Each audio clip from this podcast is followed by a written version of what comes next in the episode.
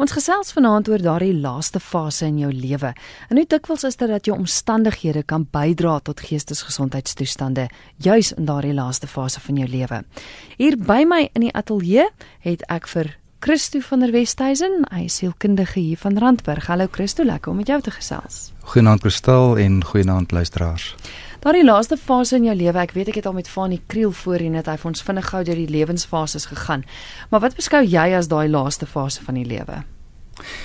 Kristal, dis baie interessant hoe dinge besig is om te verander en hoe dat ek dink die definisie van die laaste fase van 'n mens se lewe besig is om te skuif.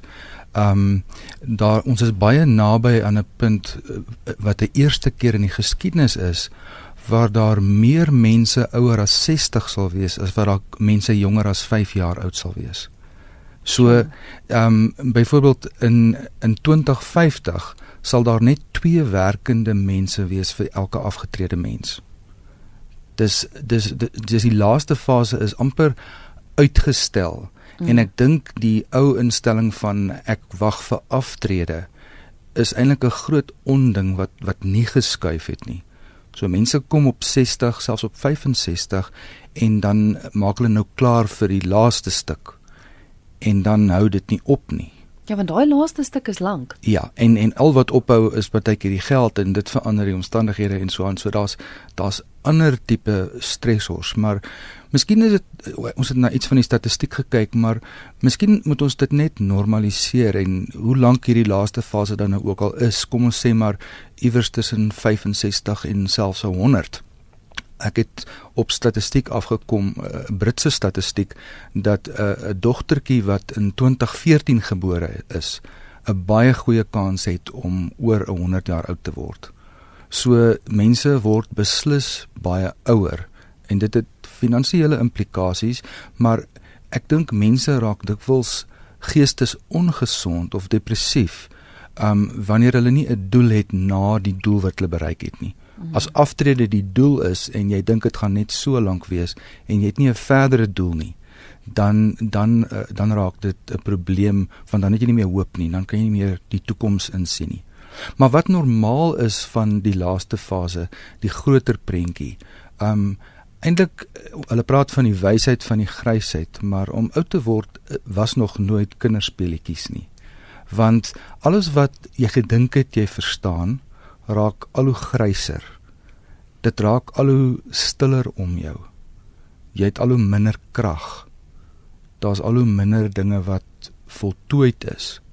Jy het al hoe meer pyn en ongemak. Hmm. Ehm um, so dit raak dit raak moeiliker om te verstaan. En uh, dan is daar sekere uitdagings wat wat saam met dit gaan, maar depressie is een van die van die gevolge, geestesongesondheid. En ons kan miskien bietjie oor individuele verskille ook gesels, maar hier is die groter prentjie wat wat hand aan hand gaan met die fase voor jy uiteindelik doodgaan. Kom ons gaan gou terug na aftrede toe, want ek dink mense onderskat partykeer wat werklik gebeur as jy aftree. En ek dink baie mense het nie 'n keuse nie op 65 moet jy aftree want dis, dis wat jou werk van jou verwag. Dis reg. Ehm um, maar dis baie interessant wat jy gesê het van ja, jy moet aftree, maar dat jy dan nie ophou om 'n doel in jou lewe te hê nie. So kom op die punt en sê goed, ek is nou afgetree, ek beoefen nou nie meer noodwendig my beroep nie, maar ek vind nou iets anders waarvoor ek leef. Daar sê, daar sê, daar's 'n onlangse nuwe, daar's verskillende maniere om na die lewensfases te kyk. In kort het iemand dit opgesom as redelik onlangs as vier fases tot op 25 berei jy jou voor vir jou eerste beroep. Tussen 25 en 50 beoefen jy jou eerste beroep. Van 50 tot 75 doen jy jou tweede beroep en na 75 begin jy eers dink aan aftree. Ag, ah, goed. En as jy so daaroor begin dink, dan gaan jy dink aan 'n doel vir na 65 of vir na 50. En en dan dan dan kan jy daai laaste deel van die lewe meer meer voluit leef. Ehm um, so ek dink is belangrik om om om ehm um, om anders om te kies om anders te dink as die konvensie om by te bly by die realiteite dat die die doelpale het geskuif. En dat dit baie normaal is om moedeloos te raak as jy nie as jy jou doel bereik het en jy is nou by dit verby en jy het nooit gedink jy gaan verder as dit kom nie of het nooit verder as dit gedink nie. So begin dink Want is dit so as ons sê ons kyk na die laaste fase van 'n persoon se lewe dat as gevolg van die omstandighede maak dit dat depressie intree. Iemand kon byvoorbeeld hulle hele lewe lank glad nie depressie gehad het nie, glad nie angs gehad het nie, maar omdat hulle nou in daai omstandighede is, finansiëel of of die konstante pyn, dis hy. Kan kan mens dan 'n toestand kry? Dit is uh, situasioneel is dit baie logies dat 'n mens uh, 'n uh, baie groter kans gaan hê om depressief te wees. En dan in die groter konteks van die van die wêreld is dit skokkend so dat uh, ongeveer 25% van die wêreldbevolking aan depressie ly nou. So dis dis dis dit was 1 uit 5 nou sit nou sit nou sit nou sit 2 uit uit uit 5 dis so 25 25% van die van die wêreldbevolking en van mense wat ouer as 60 is is dit meer as 30% wat aan wat aan depressie ly. Nou wanneer 'n mens dokter toe gaan wanneer jy ouer word, dan gaan jy vir baie spesifieke, baie oorweldigende ongerief of pyn of wat van watter aard ook al. En die simptome word behandel, maar ek dink die geestesgesondheidsgedeelte van ouer word word heeltemal afgeskeep omdat daar so baie fisiese pyne is om aan aandag te gee. En uh, ek ek dink 'n mens moet amper standaard vir die dokter sê, is ek miskien depressief? Laat ek net die nege vragies antwoord. En as ek is, dan is dit so maklik om maar net 'n ekstra pilletjie by te kry en dit kan so 'n verskil maak in daai laaste deel van jou lewe. Want die chemiese wanbalanse wat met te veel stres gepaard gaan en wat dan depressie veroorsaak, kan so maklik reggestel word. So dit is iets waarmee jou huisdokter jou kan help. Absoluut, absoluut. En ek dink 'n mens moet spesifiek vra, sê ek het nie 'n doel nie, ek het nie die krag om te soek na 'n doel nie. Ek is so oorweldig deur hierdie aanhoudende ongemak wat net al groter word. Hmm. Um kan jy my iets gee, krikke gee om net hierdie is dit het ek 'n chemiese wanbalans? Is ek depressief? Um en en en en, en net daai een dingetjie kan kan vir jou weer kreatief maak en oopmaak en buite jou situasie laat dink en laat aangaan. Want ek kan nou net dink baie luisteraars sal sê maar dis juist daai fase in jou lewe wat jy elke sent moet omdraai. So jy kan nie hulp gaan soek by 'n sielkundige of 'n psigiater of wie ook al nie dis dit is dis baie waar. Ek ek dink ehm um, goed hier hier is dit nou 'n baie groot ek bedoel daar's 'n groot verskil behalwe die finansiële mm. in mense se by individuele mense. Ons het nou gepraat van die groot prentjie van dat dit gryser en stiller en minder verstaanbaar raak. Maar jou eie individuele unieke geskiedenis en jou agtergrond jou jou mediese situasie, jou situasie nou hoe jy hier gekom het en hoe jou lewe gebeur het en wat nie voltooi is nie en wat jy oor teleurgesteld is en waar jy verliese gehad het en dit wat jy nie kan verander nie dis unieke kombinasies van ongemak wat wat wat wat dikwels geestesongesondheid ook veroorsaak. Mm. Is ons 'n anonieme luisteraar wat per SMS laat weet het wat sê dis seker die seerste maar die grootste oorsaak as jou kinders jou verwerp. Nou die luisteraar praat nou oor gedrag van opvoeding en sulke dinge, maar waarop dit neerkom is daai eensaamheid en die verlange. En ek dink mense kan dit deurtrek na baie toe. Jou kinders wat by jou is en nie kom kuier nie, maar baie baie van ons grootouers wie se wie se kinders oorsee sit en kleinkinders oorsee sit, daai absolute eensaamheid en verlange. Dit moet ook bydra seker. Baie baie waar. Ja.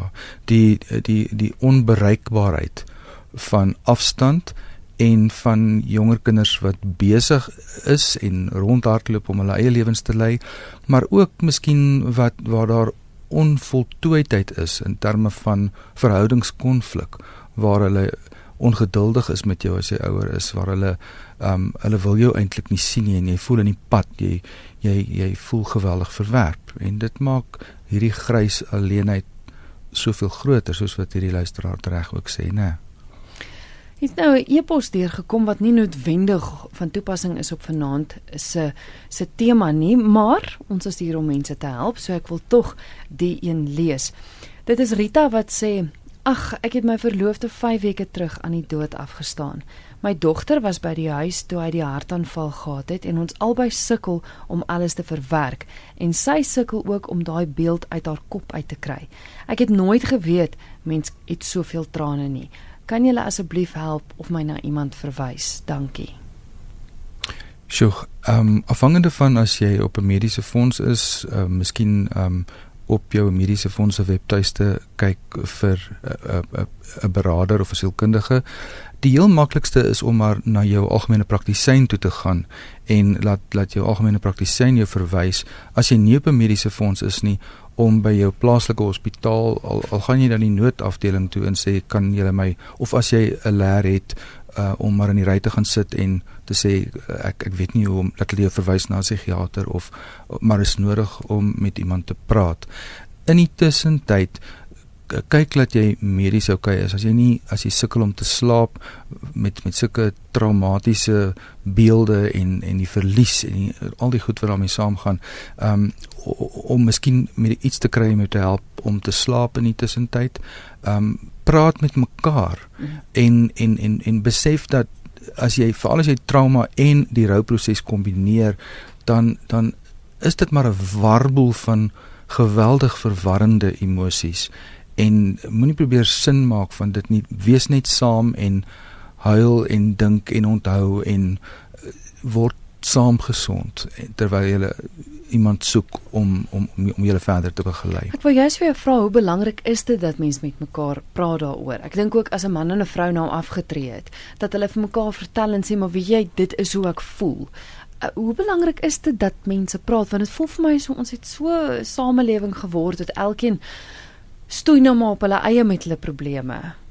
Ja, ons ken nie ons ons ken nie eers ons bure meer nie, né? En en mense leef by mekaar verby. So ek ek dink 'n mens is relasioneel geskape. 'n Mens is geskape om verhoudings te hê. En 'n mens kan nie verhoudings hê as jy nie praat nie. Um dit is wanneer jy nie gehoor word nie wat jy naderhand ophou praat of wat jy nooit leer praat nie. So 'n mens moet met mekaar praat as dit enigstens moontlik is of iemand soek om mee te praat. Eh, die konsep in Engels is um trouble shared is trouble halved. En dis 'n misterie wat ek dink nie mense regtig kan verduidelik nie. Dit word net ligter as dit as as dit gevalidate word soos die Engelse sê. Mm. As jy weet iemand verstaan, dan voel jy dan net minder alleen. En dis belangrik. Die nommer om te skakel is 0891104553. RSG goeienaand. Goeienaand, mag ek ook iets praat? Seker is op lig. O, is ek klaar, bro? Ja. Ongelukkig dat ek my radio afsit. Ek wil nie my stem hoor nie want hy's aaklig. Ekskuus. Ek is nou miskien nie heeltemal ehm um, in daai gesprek wat julle nou is nie. Ek het ook depressie. Ek moes ehm um, op 60 op 'n werk toe ek my my sig verloor. Nou is dit tog altyd vir my groot ding of ek dit reg verwerk het vir my. Daar sien my by ek word 72. Daar is nou eintlik niks meer wat ek kan doen nie want ek kan nie meer sien nie. En nou 'n ander ding wat oor my swaar op die hart druk, maar dis nou bietjie weg, maar miskien wil ek net 'n bietjie praat is ek het ook um, twee seuns, een is oor see en die ander een is by die huis. Hy bly by my. Maar hy is nou 'n hele ruk gelede gediagnoseer met skizofrenie. Nou weet ek nie of almal so ding is, maar ek kan nie verstaan dat hy hy is op behandeling nê en hy kry nou sy SASSA geld en hy kan nie meer werk nie. Maar hy is absoluut nutteloos by die huis. Hy's lui hy's partykeer onbeskof. Ek praat ook van my eie kind, né? Dis my swaar. Uh hy's baie keer onbeskof en dan ander kere is dit weer beter en dis of hy geen respek het vir my nie. En ek wil hom nie of kan hom nie uit die huis. Hy sit nie daar as hy vir my 'n ander opsie nie. Ehm um, Nou ja, dit is sou seker as jy my kan antwoord wat of dit wil sê hy sê of so iets. Uh, maar dit is verskriklik dat ek so kan dit in een dag een party daar kan ek dit vat en net wat ek geloof ek altyd 'n sagte antwoord so sal die grimmigheid nou afkeer want jy kan hom nie iets sê nie dan vervies hy hom en dan het hy nou die houding van ek ek ek en ek is van kleins af vir dit en dat al sy getrypenoses en ek het al vir hom gesê jy maak die deur toe op jou verlede jy maak oop na 'n nuwe toekoms maar hy sal nie 'n steen werk in hierdie huis of in die tuin of niks doen nie. Niks, maar niks, maar niks. Nou weet ek of ek kan vra of julle hom wil aanneem nie, en dan is ek nou maar eers klaar. Baie dankie vir die bel en sterkte. Okay, baie dankie. Dankie. Bye. Ja, raad want ek dink eerstens die feit dat sy genoem het dat sy nog nooit regtig eintlik oor haar blindheid gepraat het of noodwendig daaroor gekom het nie. Ja, om om te moet aftree en om dan niks te kan sien nie en jy jy jy het nooit geleer hoe om te leef sonder jou sig nie. Mm. En om dan met met een kind wat totaal buite bereik is en 'n ander kind waarmee jy glad nie kan huishou om dit alles in een pakket vir een mens te hê. Dis ongelooflik dat sy nog so positief klink en dat sy dat sy hierdie hierdie slagspreuke het wat haar half aan die gang hou en 'n sin vir humor. En 'n sin vir humor want dis baie keer wat 'n mens wat 'n mens ja. ook deurtrek. Ehm um, wat die wat wat wat as wat jou seun aanbetref wat in die huis woon, ek dink eh, dit sou dalk help om te probeer om 'n ondersteuningsgroep te kry wat ehm um, vir vir mense wat uh, gesinslede het wat skizofrenie het. Ehm um, probeer by die Suid-Afrikaanse depressie en angsgroep SADAG en kry hulle nommer hulle het, hulle het ook uh, hulplyne en so aan. En hou aan vra totdat jy 'n uh, 'n uh, uh, ondersteuningsgroep kry wat wat wat ouers wat in dieselfde tipe situasie as jy het of mense wat met mense met dieselfde kondisie leef. Laat mens net nie so alleen is nie want die gewone man op straat gaan dit nie verstaan nie. Mm. en die die onstabiliteit daarvan is is is is ek ek glo dit partykeer ondraaglik. 'n Ander ding is as hy op medikasie is of wat ook al, miskien moet jy self 'n afspraak maak met die dokter wat die medikasie voorskryf of die psigiater en net gaan vra hoe jy dit moet hanteer. Want die persoon wat met met jou seun werk sal waarskynlik vir jou of kan verwys of meer direkte raad kan gee en jy gaan ook dalk vir hom insaag gee in wat regtig aangaan eh, met hierdie pasiënt van hom dat hy miskien medikasie kan aanpas of wat ook al. Ehm um, maar met daai positiewe houding uh, gaan jy gaan jy deur hom kom. En uh dit is so bemoedigend, is dit nie? Dis nou weer die ding van praat mm. om om te hoor hoe dit sy ten spyte van die situasie so positief ehm um, is. Maar baie sterkte en dankie vir die deel van jou storie. Dis my gas Christo van der Westhuizen wat so gesels hy is sielkundige hier van Randburg en ons gesels vanaand oor daardie laaste fase in jou lewe kan die omstandighede bydra tot geestesgesondheidsprobleme. My naam is Christel Webber. Baie dankie vir die SMS'e wat sover deurgekom het. Ons kyk gaan na 'n e-pos van 'n luisteraar wat sê my ma is 77, sy leef alleen. Hoe weet ek dat sy nie aan depressie ly nie? Ek kan haar slegs een keer 'n week sien.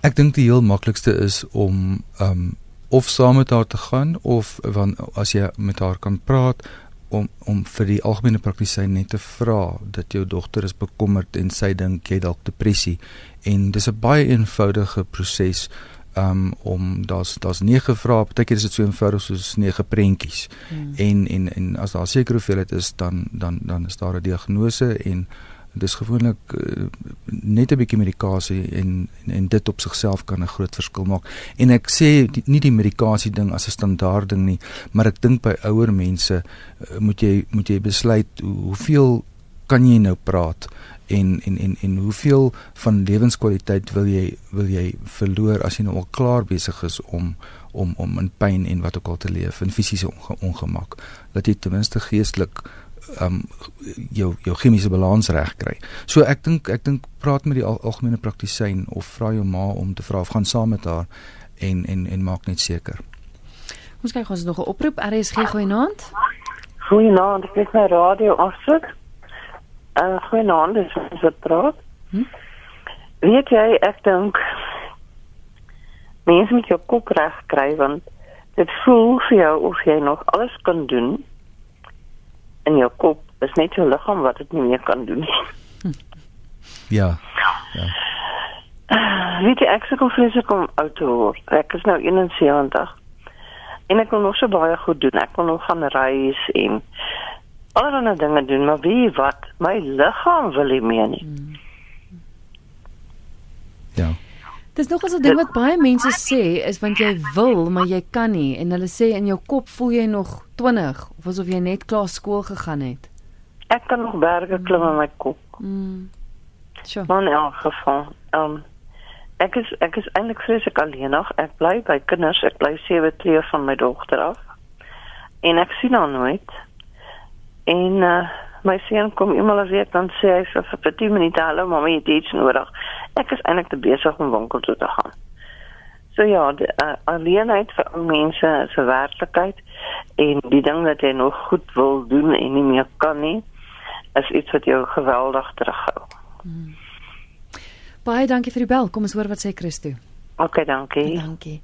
Ja, daar's nog altyd dinge en, en mens hoor dit oral. Jou lyf wat jou in die steek laat. Hy hy wil nie hy wil nie meer saamwerk nie. Ehm um, ek wonder of dit nie half die begin van wysheid is om te leer om te aanvaar dat jy nie kan nie en om daardie energie te gebruik om ander te bemoedig wat wil hoor. Um ek dink veral um daar's 'n daar's 'n ongelooflike behoefte aan ouer mense. En ek wil dit weer sê, daar's 'n ongelooflike behoefte aan ouer mense veral by mense wat jonger as 20 jaar oud is. Daardie generasie het werklik geen rolmodelle nie. En hulle is so ontnugter deur die gebrek aan rolmodelle dat hulle teruggaan na oupa grootjies en en oumas en ouma grootjies. Um en en na die na die amper na die na die ou waarhede wat nog altyd daar was en wat werk en hulle het 'n ongelooflike honger. Hulle ken dit nie. Hulle weet dit nie. Niemand het die tyd spandeer om dit vir hulle te, te leer nie. So as jy daai ek wil nog, wat kan ek? Ek kan nie meer met my lyf dalk nie. Maar kan jy praat? Kan jy skryf? Kan jy op Facebook hoeveel kinders ken jy wat wat wat uh, neefies, niggies, familielede, die bure se betrek hulle en vra vir hulle vra oor hulle lewens en kom agter hoe min hulle weet en kom agter hoe wys jy eintlik is. En maak jou mond oop en begin praat want hulle het niemand wat tyd het om te luister na hulle nie en daar's niemand wat tyd spandeer om vir hulle te leer hoe die lewe werk nie. En daar's 'n ongelooflike behoefte. So as jy ouer as 60 is of jy's afgetree of jy's alleen, ryk uit Maak jou mond oop en jy sal verstom wees oor wat by jou mond uitkom en hoeveel hoe groot die gehoor gaan word as jy begin praat. Is is 'n mens wat sê die feit dat ek 27 jaar alleen as ma my drie kinders grootgemaak het nadat ek weggegooi is deur my ex en nou op 70 totaal verwerp word deur my kinders omdat ek nie meer die go-getter is aan waaraan hulle gewoond was nie. Ek was daar vir hulle altyd. En nou dat ek net 'n SMS 'n week sal waardeer, het ek byna selfmoord gepleeg verlede maand. Ek gaan nou aan, maar my doel is weg. Met ek het periferie neuropatie wat ongelooflik seer is en ek kry SASSA. Ek wil nie meer nie in hoofletters. Ai, dis alleen. Jy voel verwerp. Jy is definitief depressief, né? Nee. So watse hulp is daar as jy self nie meer kan nie? Jy het soveel gegee jou hele lewe en die aan wie jy gegee het het nie tyd vir jou nie. Dis wat dit voel. Kan jy weier uitreik? Weerens eers miskien jou algemene praktisyn, is daar 'n 'n kerkgroep? Is daar 'n ou vriendin of kennis wat jy kan opsoek en weer meer kontak maak? Mense wat jy lank terug geken het? Kan jy sekere verhoudinge weer aan die gang kry en jouself in kontak kry met mense dat jou wêreld bietjie oopmaak want jy's vasgevang in jou alleen en in jou pyn. Ryk uit na mense toe. Vra vir hulp. Wanneer 'n mens soveel gegee het vir so lank in jou lewe, dan is een van die moeilikste dinge is om te vra en om te ontvang. Dit is nou jou beurt om te vra en om te ontvang kan jy die waagmoed hê want dit vat nogal nogals baie waagmoed as jy so gewoond is aan sterk wees en gee om te ontvang. Hmm. En dikwels kom die ontvang nie uit die logiese bronne soos 'n mens se kinders vir wie jy soveel gegee het nie. Gaan soek dit dan bietjie weier en die betekenisvolheid sal vir jou groter word en en uh, jy sal weer vars water kry en begin leef dis dis nodig om uit te reik. Gee gee jouself iemand het vir my uh, lank terug gesê ek is ook iemand wat baie gee en en en en ek het geleer om te ontvang toe iemand vir my gesê het hoekom wil jy nie hierdie van my ontvang nie? Sjoe. Want ek sien hoeveel vreugde jy kry uit gee. Hoekom wil jy my die vreugde van gee ontneem deur te weier om te ontvang? Mm. So deur te vra en te ontvang, gee jy eintlik vir die wat wil gee vreugde. Gun hulle dit en begin vra. Is die luisteraar wat sê jy het vroeër genoem van die nege vragies wat 'n uh, dokter moet vra uh, as jy ten opsigte van depressie. Kan jy onthou dit gesê? Ja, ja, dis reg. Die luisteraar wil weet wat is daai nege vragies? Ehm um, ek gaan nie die die detail nou so deurgaan nie, maar dit gaan basies die prentjie is dis soos 'n dis soos 'n muur wat al hoe nader kom en jy kan al hoe minder in die toekoms insien. En saam met dit gaan jou vermoë om gewone goed wat jy altyd geniet het om dit te geniet. Jou konsentrasie raak al hoe moeiliker. Jy raak meer geïrriteerd. Jy onttrek van mense af. Jy um jy slaap of baie meer as gewoonlik of baie minder as gewoonlik. Jy tel ge baie gewig op of jy verloor baie gewig dis daardie tipe van dinge die en dan die die erger is van hulle is wanneer jy begin dink aan selfmoord en doodgaan en wanneer jy begin planne maak om selfmoord te pleeg dan is jy nou baie naby aan die gevaarsone. So daai daai wat ek nou gesê het is so min of meer omvat die die die konteks van daardie nege vrae. Maar dit is belangrik om by 'n uh, professionele persoon uit te kom dat hulle spesifiek met jou die die die goed deurwerk.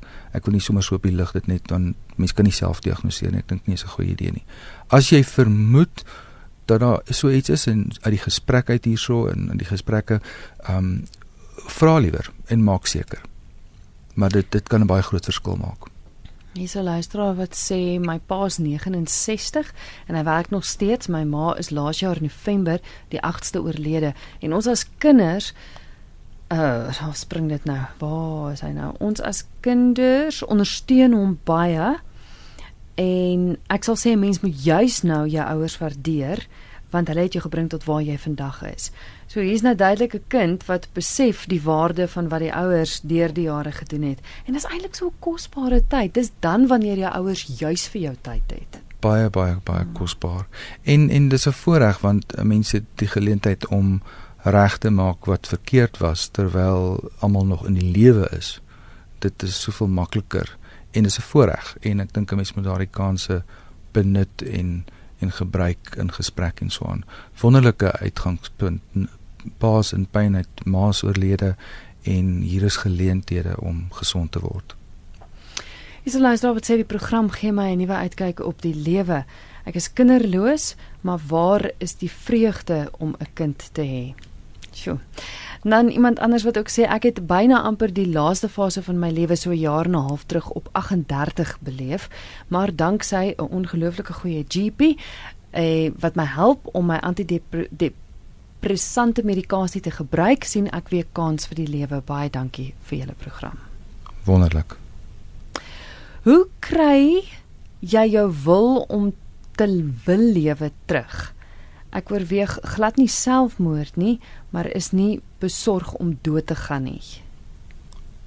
So dis walwe neutrale hmm. ehm um, amper onentoesiastiese ja, neutrale belewenis van van van van jou wêreld. Ehm um, miskien miskien kan ek 'n paar praktiese goed hier ingooi.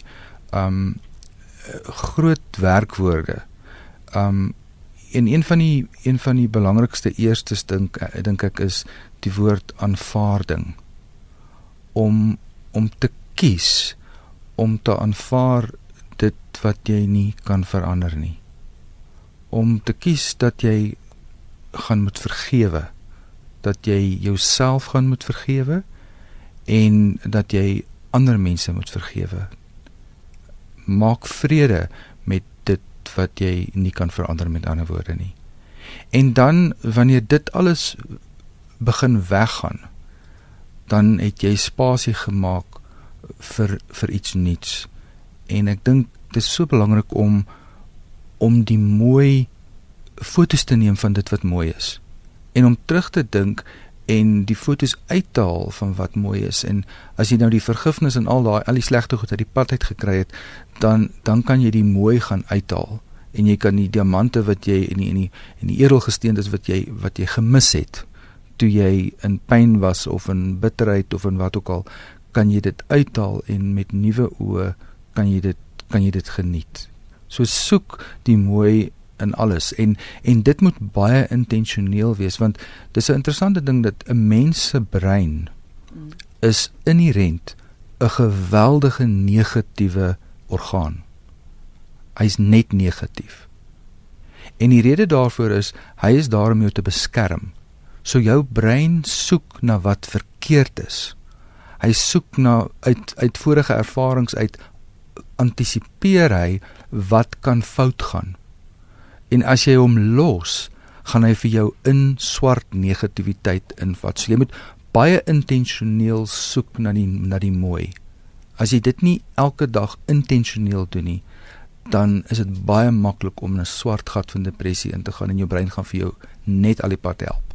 So jy moet half teen jou natuurlike ingesteldheid en en en moet jy moet jy werk om intentioneel die mooi te soek om en jy hoef dit hoef nie iets groots te wees nie kyk om jou rond en en en soek dit wat jy gemis het in die kleur van 'n blom of twee mense wat hande vashou of ag iets wat jy onthou of uit jou kinderjare uit maar soek die mooi goed en en stadig as jy oop bly vir die verandering gaan gaan gaan jou hele gemoedstoestand begin verander.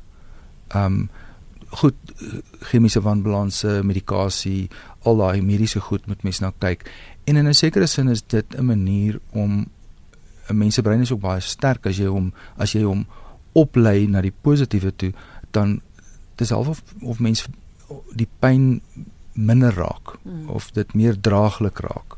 Ehm um, en dan kan jy begin sinvol bydra soos ons vroeër gepraat het met byvoorbeeld met die jonger generasie en so aan.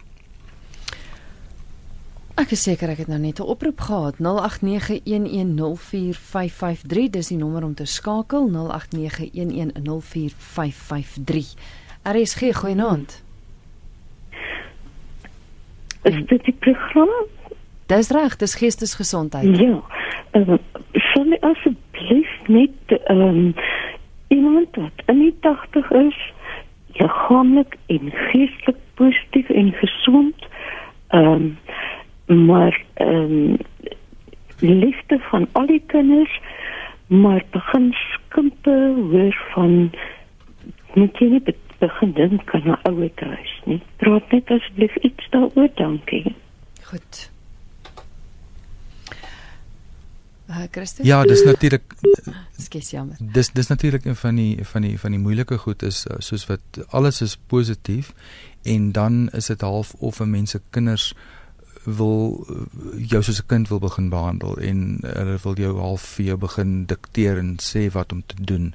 En mense besef hulle hulle het baie goeie bedoelings, maar op watter stadium ehm um, gaan jy na daai laaste fase toe en wil jy na daai laaste fase toe gaan?